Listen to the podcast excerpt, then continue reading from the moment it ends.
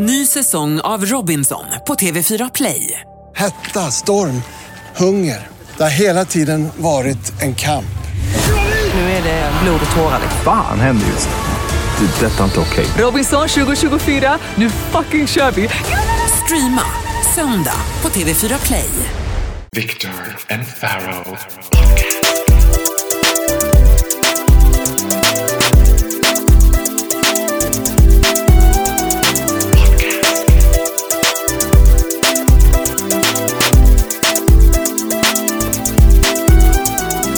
Viktor och Faraos podcast. Välkommen till Viktor och Faros podcast. Avsnitt nummer fem. Avsnitt 5 av succépodcasten. Vi blir bara större och större, fler och fler länder. Vi, vi far fram här som värsta IS nästan. Åh gud, det- var vår ambition. Islamiska staten Borlänge, yay! eh, ja, vi börjar på en gång. Vad vill du prata om? Jag vill prata om, var du ute igår? För du ser väldigt sliten ut, eller ska jag säga du ser så här knäckt ut. Nej, men, jag- nej, jag var inte ute. Jag var i motsatsen till ut kan man säga. Jag blev tvungen att se på Melodifestivalen. På riktigt, på första gången på flera, flera år. Gjorde du det i Sulmans studiosyfte att komma närmare mig? Eh, nej, det gjorde jag faktiskt inte alls utan det- jag gjorde det på grund av att jag kände mig tvingad för att en god vän till mig han eh, gjorde ljuset på en av låtarna, eller ljusproduktionen till en av låtarna så att jag supportade honom kan man säga. Wonder which one? Och det var, det var ju ett jäkligt märklig, en märklig upplevelse. Det? Eh. Men hur länge sedan var du såg det senast? Är det som att du har inte sett det på fyra år typ? Ja, på, på riktigt knappt sett det på 4-5 år. Och det, det jag slogs av, alltså jag vill inte sitta här och såga Melodifestivalen för att det känns faktiskt som att jag sparkar neråt när jag Ja. gör det. Vilket är märkligt också. Men hur som helst, det, det jag slogs av, det, det började ju med ett nummer. Ja. Och det fenomenet är så jäkla konstigt. Vad fan är ett nummer för någonting?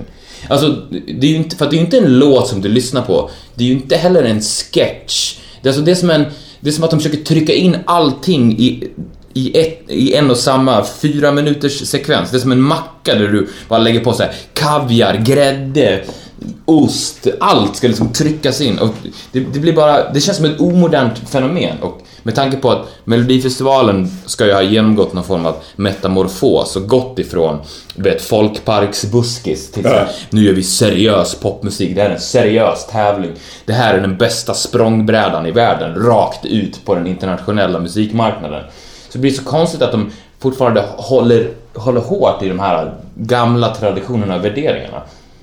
Fast de är ju, absurda skulle jag säga, som I'm not gonna defend it, även om jag egentligen borde on behalf of my community. Så är de, det var ju från början en ganska seriös musiktävling. Alltså seriös tävling i schlager. Precis. Då tävlade de ju bara i schlager. Alltså den gången det var sladdmickar, jurygrupper som ringdes in på vi har, ni tar in Umeå här och lämnar era röster. Ja. Då var det som att hela nationen gick ihop så på ett annat sätt. Nu är det ju Sveriges största barnprogram. Alltså det är som ett så här, en kavalkad i liksom bad taste på ett sätt. Och jag tänkte de där numren också. Numren som då är skilt från de som tävlar, det är allt det här paushistorien. Känns så jäkla intern. Det känns som att Robin Paulsson, Sanna Nilsson och Christer Björkman som bara det här är så kul! Sanna skulle kunna komma och slita sönder sin kläder. Ja, jag så galet! Alltså, det är så här. Robin Paulsson känns som den här killen som gick i ens parallellklass på gymnasiet, jag gick i teater och som tyckte att han själv var så rolig hela tiden fast ingen annan tyckte det. Men det är så svårt också för att om du ska underhålla tre miljoner människor samtidigt, det har vi pratat om med musiken, så, så du måste kompromissa på kvaliteten för att tre miljoner människor, de är inte så pass smarta så att de skulle kunna förstå om det var riktigt, riktigt roligt på riktigt. Men det värsta, alltså, det jag har svårast för är så här. Jag tycker att Sissela Bernström som spelar Filippa Bark, jag tycker Filippa Bark-karaktären var genial när den kom. Men den, för den är ganska rolig, men den bygger på att den är explosiv och kort. Nu är det som att man bara Åh, Filippa Bark är rolig, så matar man ut det så att det blir så tråkigt och så, och jag, alltså du vet, jag lider med Filippa Bark varje gång jag ser henne. För det känns som att hon sitter där i direktsändning och känner själv, det här är inte kul.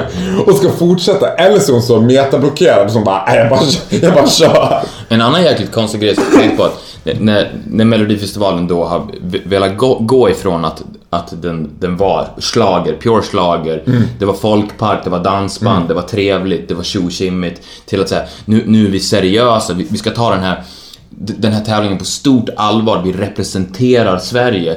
Då borde de ju helt tvätta bort den här tokroliga stämningen. Med, med de här numren till exempel. Gå in då seriöst och säg så här: Hej och välkommen till Melodifestivalen, Sveriges mest seriösa musiktävling. Kom ihåg nu att det är ett viktigt val vi gör. Vi vet att det var ett supervalår förra året. Det här är ännu mer super. Nu, nu, det här är det viktigaste valet ni gör i år. Vi börjar med att lyssna på den första låten. Kom ihåg nu att lyssna ordentligt, ta in, om möjligt, lyssna en gång till och sen lägg er röst. Men så gör de ju inte. Och det, det präglar ju också låtarna. Det, det här att alla ska ha ett, ett fånglin Ja. framför. Det sitter ju också kvar sen gammalt så här. Le, le framför kameran. Det ska man göra. Och sen när de sjunger en jätteseriös djup ballad om ett breakup eller när Måns Zelmerlöw sjunger om det. Alla ska vara heroes, alla barn är lika Ja. mycket värda. När han gör det med det här fånglinet samtidigt. Det, det är liksom, det är två helt olika världar som krockar. Ja. Men jag tror, again not to defend it, att man får se det som Sveriges största barnprogram och underhållningsprogram. Att där ligger tyngden. För jag slogs också av det när du sa eh, när vi pratade om det tidigare så sa ju du att det är helt absurt att låta svenska folket vara som de liksom, att de ska avgöra som, vad som är bra musik eller inte. Vilket blev så uppenbart i den här sista deltävlingen som var nu i, i lördags att eh, det är aldrig, alltså det är så kliché att säga såhär fel låt vann. Men att Måns Zelmerlöw ens ska vara med i en deltävling är helt onödigt för man vet att han kommer gå. Det spelar ingen roll, han ska kunna stå bara rakt upp och ner och göra vad som helst och gå direkt till final.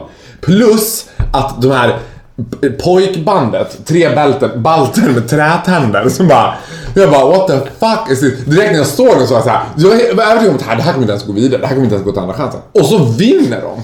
Alltså det- låten var shitty, det kan man säga vad man vill om, men de var ju också så här. att Det finns ingenting så värre än unga så här, popkillar som iscensätter så här. Det kändes som att de spelade Justin Bieber. Jag, jag har sett hur Justin Bieber gör med handen, det är jävligt coolt. Det ska jag göra. Och, så, och, när jag ser så här, när de vinner, hur glada de blir, jättekul för dem, men jag bara känner hur osar självgodhet och så här. We got it guys, we got it! Och jag bara no you don't got it! Det bästa var ju hon så här. Caroline Wennergren, hennes så här, bossa nova-nummer, som bara, som kom sist. Ja. Som åkte ut, det var helt... Men det är så roligt också när du pratar om JTR och Måns Zelmerlöw för att de ska ju också hela tiden spela på att de är så sexiga. Och det rimmar också så dåligt med de här fånglinen, eller jätteleendet. För att det blir ju som vi pratade om förra veckan, då blir det ju gladporr. Alltså om du, om, du ska, om du ska stå på en scen och röra har du, har du någonsin sett Justin Timberlake göra en sexig låt med världens största fånglin? Alltså det tar ju bort all liksom sängkammarstämning som finns. Alltså, tänk dig själv om du skulle gå in i en bar så ser du en snygg kille längst ner så tänker så här, nu jävlar ska jag förföra honom med mina ögon. och sen så vandrar du i slow motion bort mot honom med världens största så här, dental white smile. Som man gör också när man vandrar i slow motion med gentle white smile. Okej. Oh my god, there's a psychopath coming skulle han tänka då. Ja, men det förklarar ju också varför vår allas Måns Zelmerlöw har det där. För att jag tänker att Måns Zelmerlöw är den ultimata filfen. A father you like to fuck. Han, han är också oidentifierbar ålder. Han föddes ju som 47 år gammal. Det är ingen som vet hur gammal han är. Och han känns Alltså tänk, a- alla som är sociopater har det där leendet hela tiden för att de är så, här, so afraid. Om de inte ler kommer någon och bara Oh my god, it's fucking crazy. Hur många gånger slog du Marie Serneholt? We just wonder. Och jag tycker också att Måns är liksom den ultimata... Alltså för mig är han Niklas i 9A. Killen som satt längst fram, hade tungan lite far up the rare end of the teacher och, och liksom kissade i min skolväska efteråt. han känns så himla så här. Alltså det skulle man börja gräva lite i Måns historia så tror jag att man skulle hitta liksom Ja, ja men verkligen så är det ju. Och han, Jag tror bara att vi såg förspelet när han satt i Pluras kök och sa att bögar var onaturliga. ja, och då var, Which I kind of agree with. Det enda bra Måns Zelmerlöw har gjort. Det enda vettiga han har sagt. Bögar är onaturliga. Nej men absolut, och, och det blir så, när du har någonting, en sådär påklistrad, trevlig eh, mors bästa son aura så, så vet man ju att det döljer sig någonting där bakom, för det är ju inte naturligt. Det är så här, samma, varje gång de hittar någon brutal seriemördare så säger ju jämt grannen så här, vi hade inte en aning. Ja. Han var jättetrevlig. Han var alltid leende. Han har alltid white bright Christmas Man kanske smile. skulle titta in i Måns Zelmerlöws frys. Om de gör så här hemma hos, du vet. I din, I din kyl finns det väl SVT ett program när någon kommer hem och lagar mat hos kändisarna med deras råvaror. Här har du min kyl äter- I din frys Måns.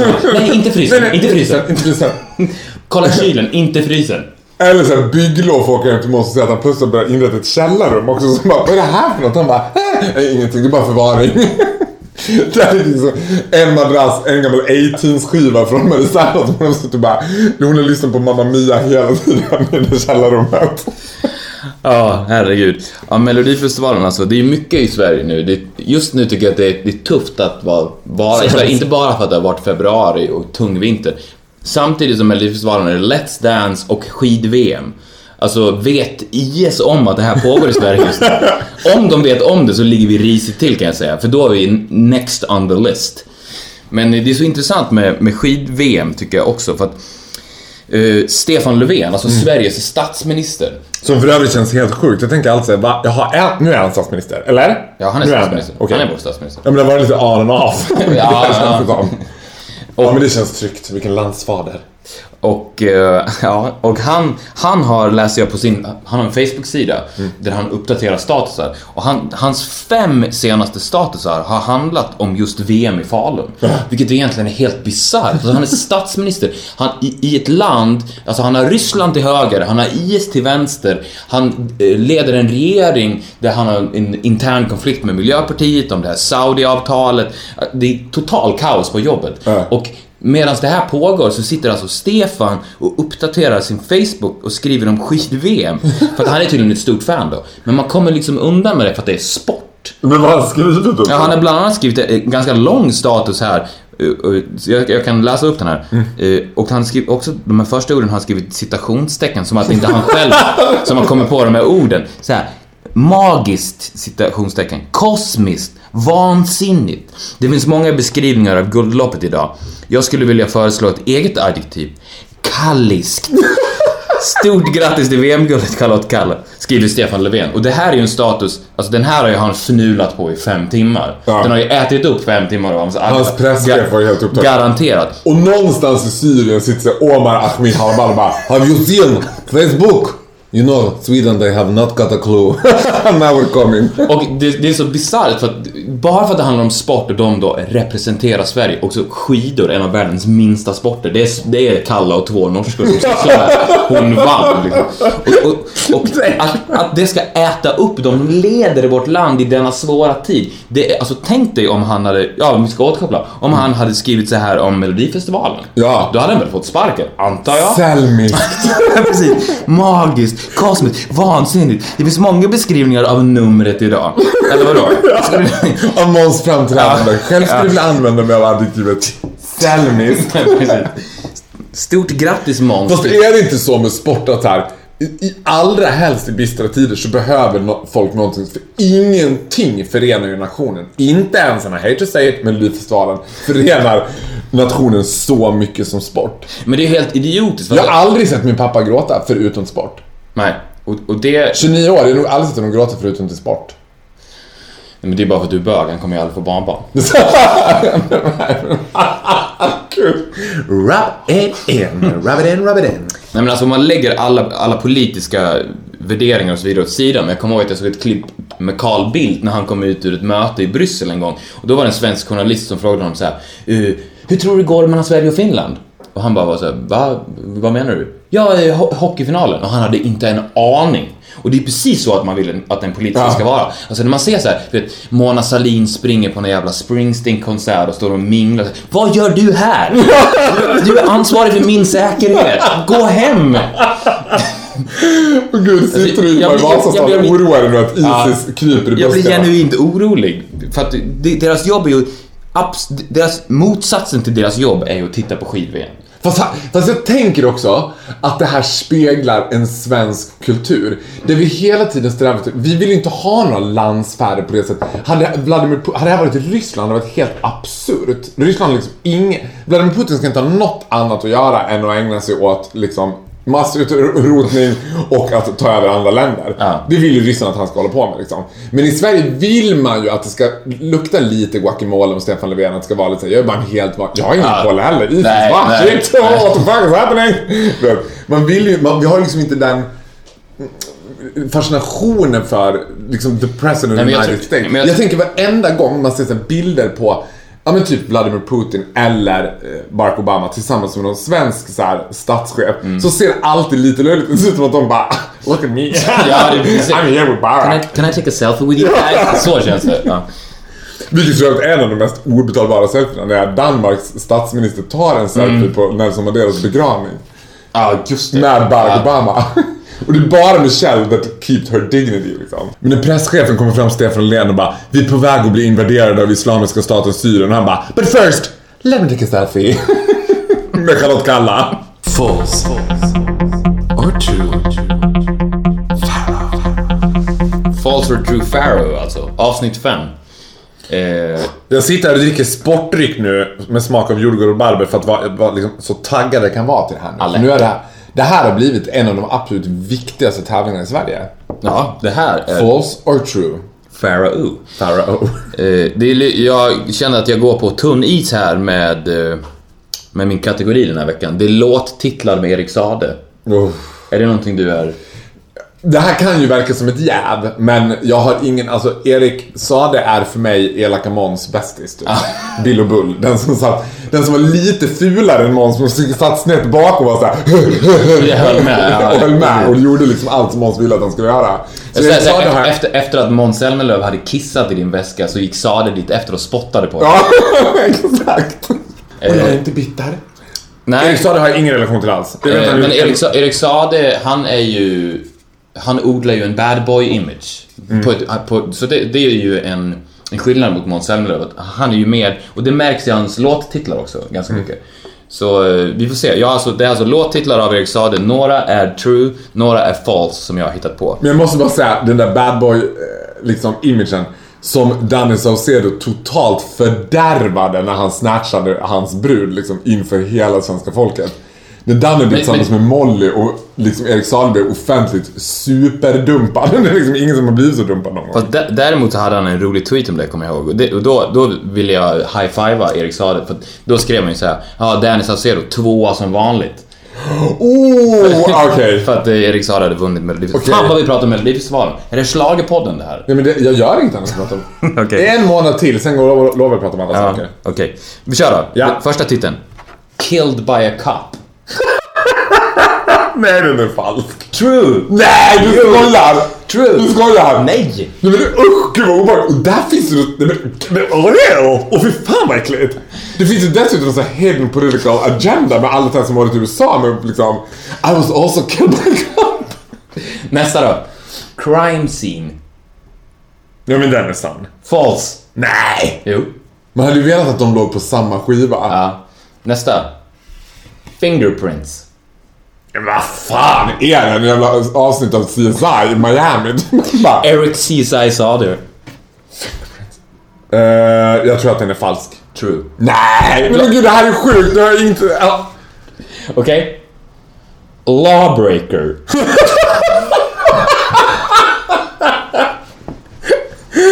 My brother in lawbreaker. eh, den tror jag är sann då. False. Nej men nej! Nu då. Jag har aldrig mer dricka sportdryck. Inga, inga rätt so far. Jag börjar bli bra på det här. I didn't do it. Nej men gud vad hemskt. Alltså det kan inte... Alltså, nej men jag säger att den är sann. False. Nej vad fan! Innocent until proven guilty. Den är så komplicerad. Den är falsk. Den är falsk. Yes! Första rättet. Yes! Men jag hade älskat om Erik Sade hade gjort något. Innocent unproven guilty. In a court of law skulle det också kunna vara. I am not a rapist. I am not a rapist. I did not have sex with that woman ever. Okej. Ett rätt, det här är skandal. Först har jag liksom utgett mig själv som var någon sorts schlagerkung, sen är det bara ett enda rätt. Det är ju pinsamt. Ja, men det känns som att jag har kommit, jag, jag, jag har kommit in i ditt huvud. Jag vet hur jag ska mindfucka dig. Jo men här är mindfucket bra, för det här är ett ämne jag borde klara. När det var, vad fan var det förra gången? Paolo Robertos fönster. Men det är ju inte liksom bara... Det här borde kunna... Ja. Ja, nästa. Nu, by, nu byter vi lite ämne här på Sades, eh, Sades eh, titlar. Det är inte CSI Sade längre. Why do we need fashion? Nej, det får inte vara sant. Det det är falskt, det kan inte vara. Det är sant! Nej, det är skoj. Det är sant! Och det är också här, why do we need fashion? Frågetecken, utropstecken. Nej men gud, det är inte möjligt. Nej men herregud. Okej? Men nu får jag så lust att gå på en Erik Saade-konsert. Det här kan ju vara underhållning. Man vill höra dem ja. Ja, man, det vill eller man skulle vilja gå på en Erik Saade-konsert där han bara läser upp sina låttitlar. Ett nummer. Ja, ett nummer, ett potpurri hade Ja, det. precis. Ett, så här, ett, ett nytt nummer på Erik, av Erik Saade på Rival, där han läser upp sina låttitlar. Erik högläser sina låttitlar. Det värsta är att hade du pitchat in Innocent Unproved Guilty in the Court of Law till honom så hade han bara ah, den är fan asbra. Ja. Nästa då. Ja, Rocket Science. Den är sann. Sant. Den tror till och med att jag Har kan ha hört den? Nej, jag, jag, jag, fick för, jag tror bara att jag har hört. Har Erik Saade gått på radio? Har det varit så här, Har det gått något mer än Manboy och... Popular, Nej, de- det är I will be popular. Det Det är nog de två. Eh, nästa. Två, två kvar har. Nice shoes. Först en Steve's Eye Miami Erik Saade, sen bara Erik Gay Shadayday. Då heter han Erik Shadayday. Nej, ja men den är sann. Falsk. Nej! Den är falsk. Det hade varit underbart om man gjorde först, och de skulle också vara på samma skiva. Ja. Skivan Fashion. Precis. Skivan Fashion Police, det är så två deluxe-albumet. Det liksom, både liksom... Om, om han någonsin då eh, blir någon form av Simon and Garfunkel med Måns Zelmerlöw, Ja. då kan ju de göra the, Fashion Police. ja, Fashion Police. Okej, nu kommer den sista, då. Åh, det här måste jag ta nu. Jag har bara haft ett rätt hittills. Nej, två har jag. Jag tror att jag har haft två. Sista. Take a breath. The Pizza Delivery Girl. Nej men, nej men den är falsk. Den är falsk. Åh! Det lät bara som en riktigt dålig porrfilm. Bara först, först från så här gay Erik Saade, nej först från crime Erik Saade till gay Erik Saade till så här porr Erik Saade. The Pizza Delivery Girl. Glad på det. Hade den hetat The Pizza Delivery Boy, Ja. då hade jag så här. Jag, jag tyckte ändå det var en ganska bra Erik Saade-titel. Kanske nästa år så gör han... Men jag tror fortfarande för Innocent Unproven Guilty att den är bättre. Jag har en tvångstanke med Erik Saade, måste säga som jag bara nu med min Tourette. Jag tänker att han har så fruktansvärt liten kuk. Jag vet inte varför jag måste säga det, men du, alltid när jag ser honom tänker jag oh my god, poor Molly. I know I should change your mind. jag tänker att det kan liksom, ja, vi lämnar det. Jag vet inte varför jag säga Men ibland har jag, jag har ju Tourette, jag måste bara säga det. Förlåt. Förlåt Erik Saade. Okej, Erik, du är innocent until proven guilty.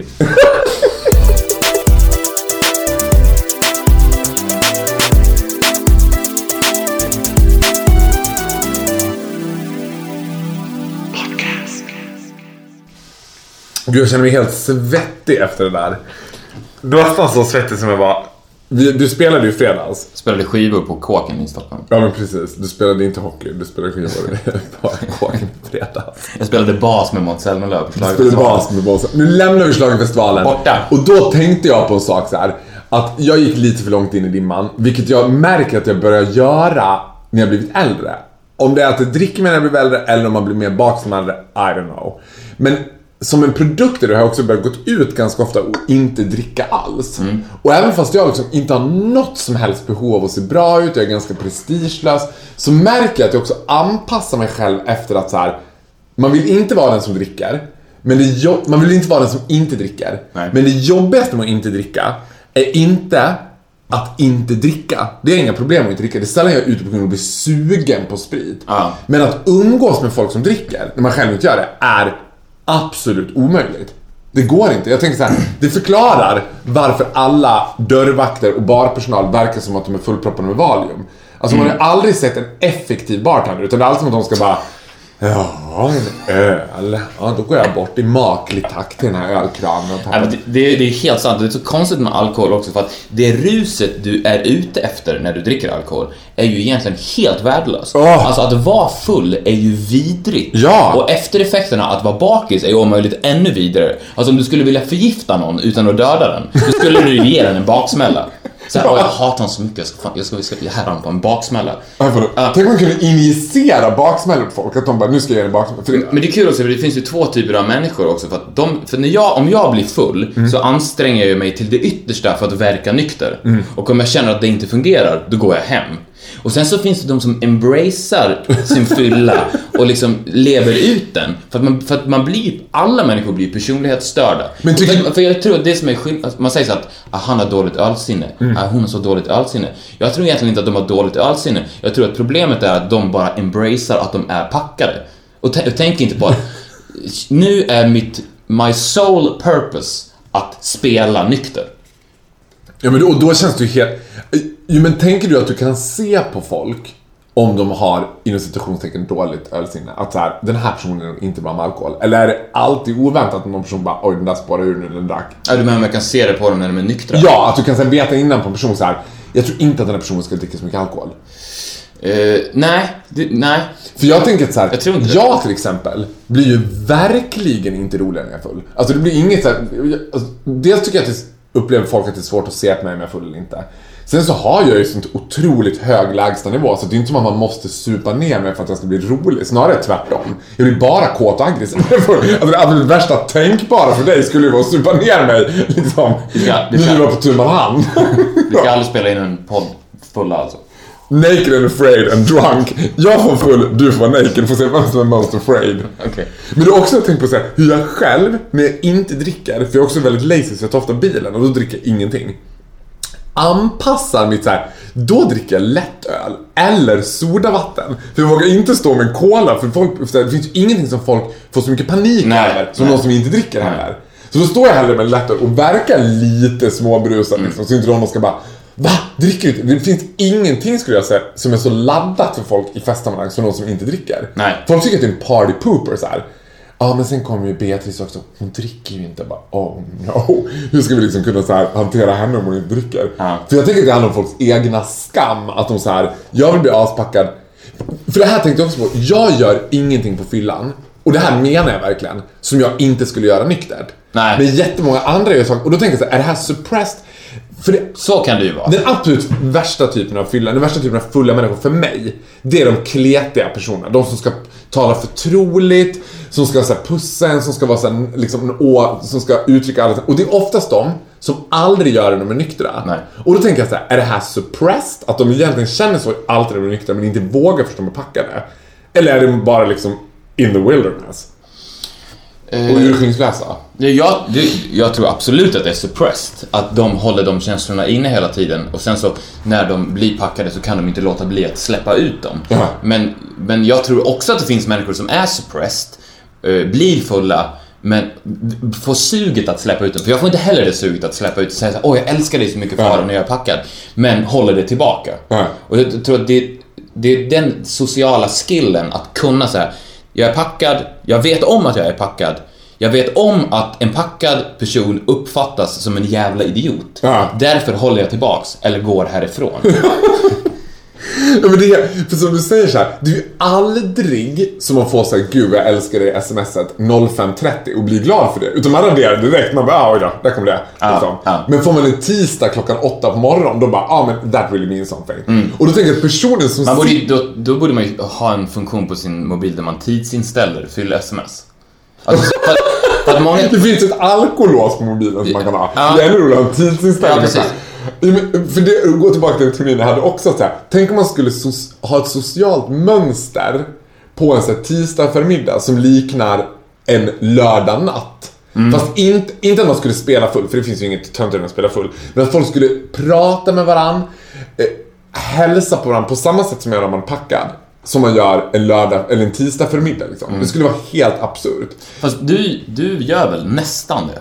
Jo men det är det jag menar, men, det, men jag tycker du gör också. Ja. Det märks jag, alltså nu är jag, Jag är lika hatisk när jag, när jag är nykter som när jag Du är är full. lika såhär glacier queen och bara hej. Stå för. Nej, men på, på ett sätt så liksom. Ja, men det gör jag. Det finns Jag tycker det kommer till absolut totalitära uttryck är när man sitter på tunnelbanan. Mm. Alltså om man åker tunnelbana 05.30 då är det en jävla djungelbuss med folk som ligger och spyr överallt, någon våldtar sina hörn, någon annan står och slår någon. Alltså det är totalt hela, hela havet stormar. Och sen sitter that one övergivna flygvärdinna och liksom bara God I hate my life. Jag går ut till Arlanda och börjar såhär 06.10 och så sitter full mundering helt nykter och ser det där. Tänk om man skulle gå på tunnelbanan, man skulle göra som ett social prank. Att någon gick på tunnelbanan liksom torsdag morgon klockan nio på väg till jobbet och folk beter sig som de gör en lördag. Som ett jävla fylleslag, fast inte fulla. Förstår du vad jag menar? Ja, ja. Det skulle vara helt absurt. Jag tror man skulle så här. För mig är det där liksom jättekonstigt. Och jag kan, som du säger också, även fast jag själv är full så tycker jag fulla människor är jobbiga. Ja, ja men jag med. Och då är det än värre när man är nykter. Att så här, men det går inte. Nej. Nej men, ja, precis. Och det då vi, vi kom fram till här var att det, öl, dåligt ölsinne existerar inte. Det, det, det enda som existerar är dåliga människor. Men tänk att vara bartender och konstant jobba i en miljö där folk är så, där du själv inte är så. Ja, det är så. Tänk att hela tiden hantera, dessutom att serviceyrke där folk... För i, dels vågar folk säga det de verkligen känner kärleksfullt. Sen blir folk också så jävla mycket kaxiga när de är fulla. Bara, "Nej, jävlar, håll käften! Och står där och bara så här. Nu ska, det är klart att de måste verka då så här jättesega och jag, jag tycker att det är ett, liksom... Jag, Men egentligen är det ju dåligt, precis som du säger, för att det borde ju vara så på en bar eller en restaurang att gästerna är nyktra och personalen är packade. Det hade blivit så jävla mycket bättre stämning. Tänk så här, om alla står i baren så här jätte så här, strikta, ordinära och bartendern är på asbra humör, Ja. packar såhär, ja men fan det är klart du ska ha en cola, ta den här. Det hade, det hade blivit mycket bättre stämning och det kanske Mårten Andersson, han som har startat den här nyktra klubben, han borde ju ha den regeln. Personalen är packad. han startade nyktra. en nykterklubb. Han gjorde det för några månader sedan. Han är ju uttalad nykterist och sen har han startat en klubb där man inte får dricka, ja en nykterklubb. Ja. Som tydligen har blivit värsta succén. Folk går dit och dansar och dricker liksom Vatten. tonic. Ja men det, åh gud. Det är också symboliserande jättekonstigt för mig. Men det hade varit spännande att ha det som en temarestaurang. Som det finns här, den här Noir i Paris. We're drunk, you're not. Ja, we're drunk you're not. Ja. We're well out to be drunk you're not. Men eh, tror du att Stefan Löfven kanske var lite full när han skrev de här Facebook-uppdateringarna? Han kanske har en sån, för att han har ju verkligen en sån här alkoholist... Aura. Eller ja. Han känns... Jeltsin. Ja. Alltså om Jeltsin, Jeltsin och, och Löfven hade varit president eh, slash statsminister samtidigt. Uff. Oj, oj, oj. Tänk dig då de, de kräftskivorna i augusti. Men- men- han kanske har sån tidsinställd funktion på sin mobil. För att det får inte, man får inte märka att statsministern sitter packad och liksom fylletweetar. Så att den kommer på eftermiddagen kallist liksom. Kalle. Och sen går de bara efter varandra. Kalle. Men jag tänker att det är hela socialdemokratin. Alla so- socialdemokraternas eh, ledare har ju haft den där... Jag menar Mona Sahlin luktar också lite... Ja. Jag tror inte hon bangar för en GT och en gul Blend liksom. nej. Håkan Juholt var ju full hela dagen han satt som statsminister. Sen åkte han ju ut i och för sig. Alltså det var såhär, det finns... Det, ja, det hade varit väldigt intressant.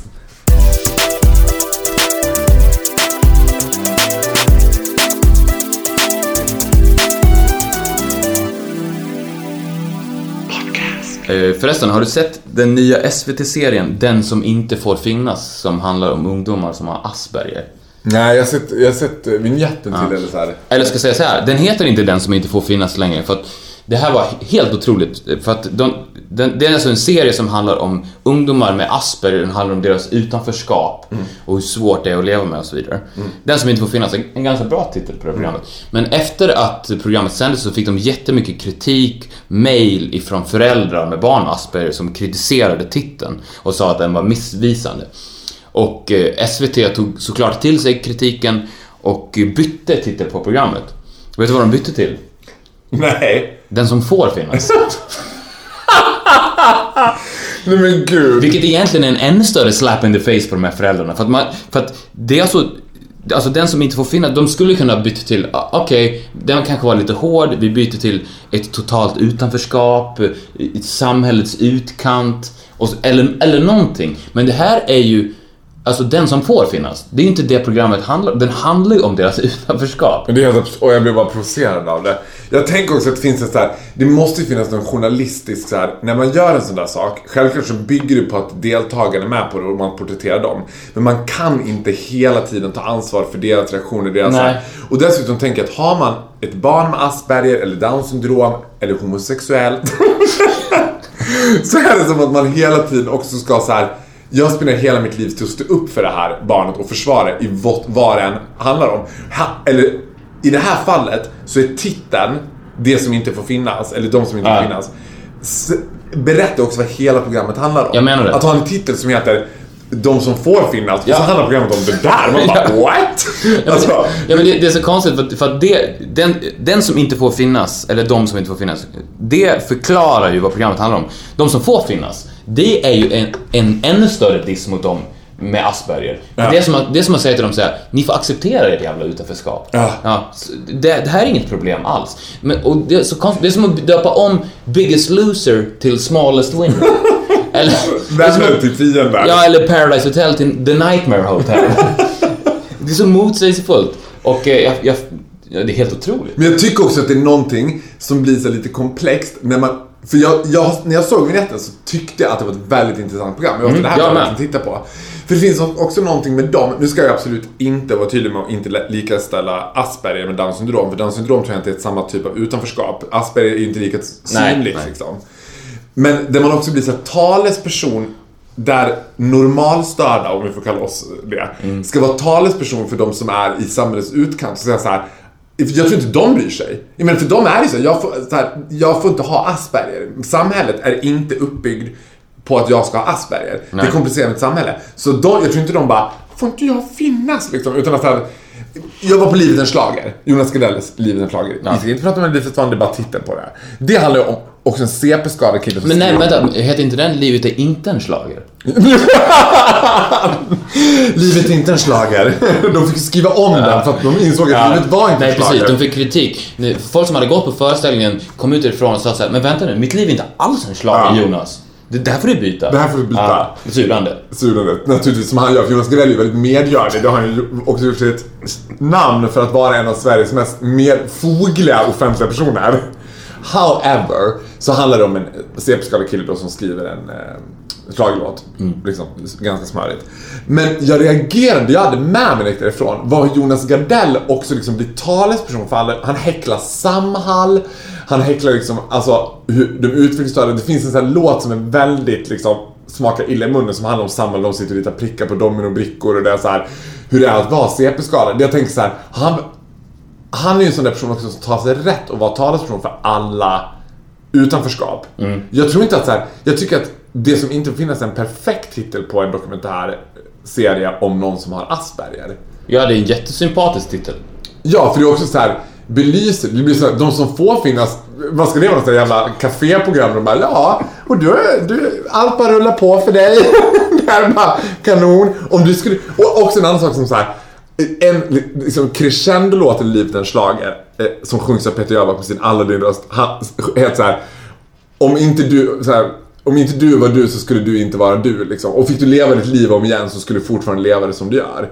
Alltså skulle du fråga vilken CP-skadad person som helst. Om du fick leva om ditt liv, skulle du vara CP-skadad då? Tror du att de hade bara Ja, ja, ja. Alltså tror att de hade bara No way, I would be up and running, fucking girls, having fun, getting drunk. Alltså jag tror inte att de hade bara Det är som, jag har så svårt för den grejen att man ska så här Inget ont om det liksom, men belys problematiken istället för att verka som att så här, det här är helt normalt och de blir ja, precis lika lyckliga och glada som vi liksom. Ja, precis. Att, att, att, att alltid ska, en normalisering alltid ska vara svaret på allt. Det, Ja. det är det som du och jag har pratat om när vi har pratat om homosexuella, homosexuella också. Att deras utanförskap också kan vara någonting positivt. Det är någonting positivt. Hela, hela communityn är för fan sprungen ur utanförskapet. Ja. Det är ju livsfarligt att normalisera det för att då försvinner alltihopa. Det är det, det, är jag motsätter mig. Jag säger än en gång, tusen tack Måns Zelmerlöw för att du är vår spokesperson. Vi är onaturliga och det är vi glada över.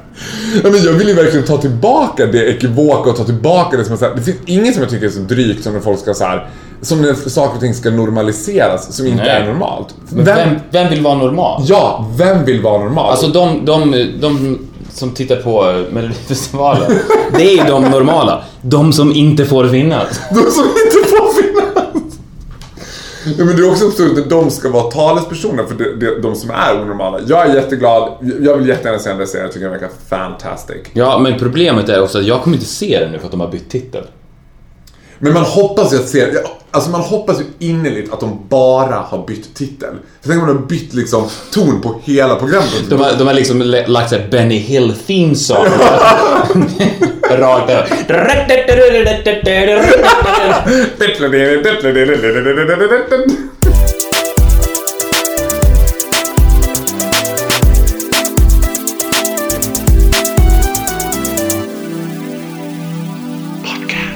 Jag tycker att det är dags också att vi avslutar det här avsnittet med att kolla på lite av de frågor vi har fått in från, vi har fått in hundratals mail från lyssnare över hela Ja, världen. precis. Exakt, och du, är ju, du var ju så clever och bra att kommunicera. Jag är ju som, jag är som sagt eh, handikappad när det kommer till sociala medier.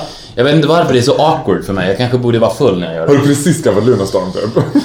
Ja, men det- tar emot alltså varje gång jag ska slå på min egen trumma på... Du är ju världsbäst på det. Kolla på mig! På, alltså, jag vet inte varför. You need to. I know. Det är liksom jag får bli, bli, bli bättre på det, hur som helst. Men vet du vad, vi ska kolla här på några av de mejlen vi har fått. Bland annat har vi fått en mail här från en tjej som undrar... Hon undrar om hur är det för dig att åka bil med mig? Alltså hur är det för Viktor att åka bil med Farao? Eh, Så jag, det är min fråga till dig, hur är det att åka bil med mig? jag, har, jag tror jag aldrig har åkt bil med dig. Nej, du är helt sonika, undvik det helt enkelt. Eh, kan du, du har då, som jag har förstått, ett, ett rykte om dig som en otroligt dålig chaufför. Ja, och jag är en så här, hands down, jag är fruktansvärt dålig bilförare. Ja. Men jag har inte, du har inte ens körkort. Nej, och jag har inte körkort och eh, anledningen till det är att jag tror och litar inte på mig själv när det kommer till att köra bil. Jag är helt övertygad om att jag, jag skulle krocka. Alltså, att en, jag gör samhället en tjänst Genom att inte ta körkort. För att säga, mina... Till exempel när jag... Förra sommaren när jag var på vårt landställe och sen så var jag på, på väg ner till stranden så, här, så hade jag min mobil i handen. Och sen så när jag gick ut på, på bryggan så var det en geting som stack mig. Ja. Min, här, min spontana reaktion då, Ja. det som bara kom över mig, det var att ta min telefon och kasta den i vattnet.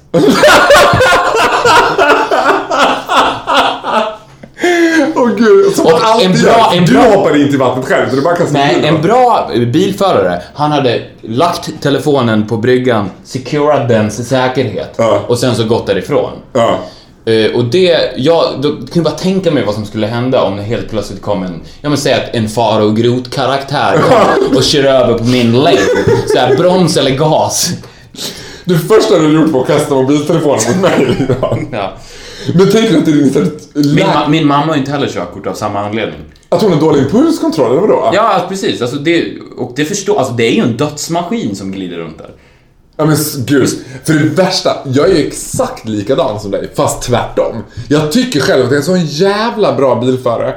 Jag, du vet, alltså, ingenting brings out the heterosexual side i mig så mycket som mitt bilkörande. Nej. Jag kör sugigt och ryckigt och aggressivt och fort och jag sitter så här varenda gång jag åker taxi så sitter jag bara hur sakta kan jävla taxichaufför köra? Och de kör ju generellt ganska fort.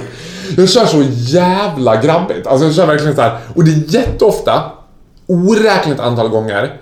Jag har liksom inget konsekvenstänk i trafiken heller. Utan Nej. jag tänker, åh det här är en bra idé. Och mitt när jag är i den så bara, det här är den sämsta idén ever.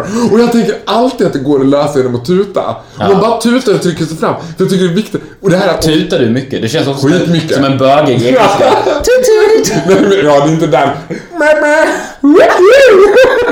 Den. Liksom blow the horn.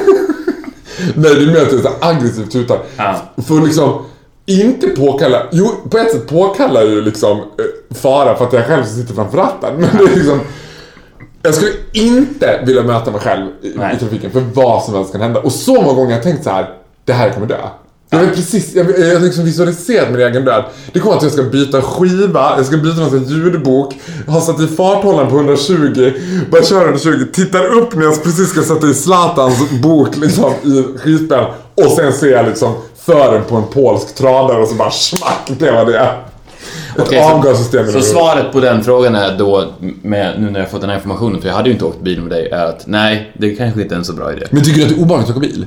Tycker du Nej. generellt det Nej. Nej, för du kanske hade bara älskat det. Du kanske tyckte jag var så convenient. Ja. ja men hands down, nej du hade inte det. Ingen tycker om att köra bil med mig.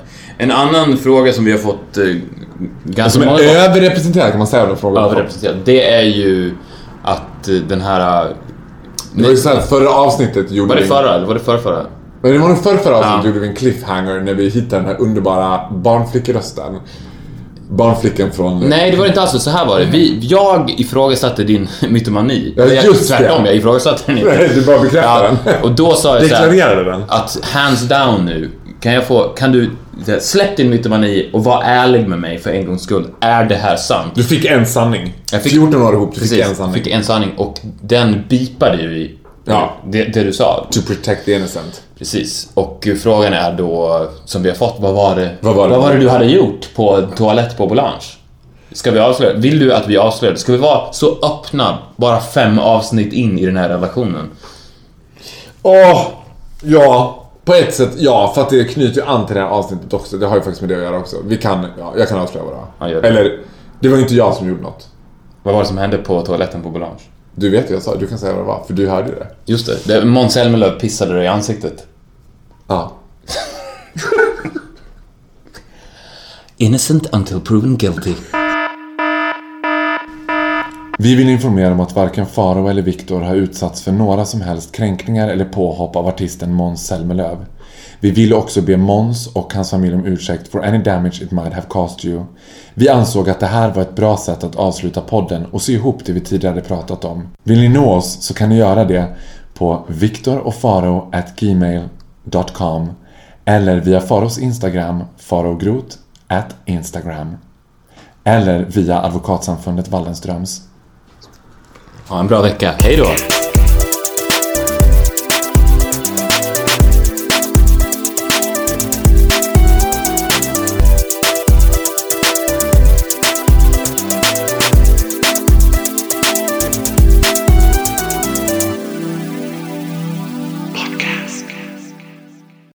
Ny säsong av Robinson på TV4 Play.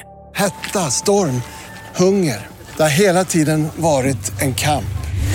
Nu är det blod och tårar. Fan händer just nu. Det. är Detta är inte okej. Robinson 2024, nu fucking kör vi! Streama söndag på TV4 Play.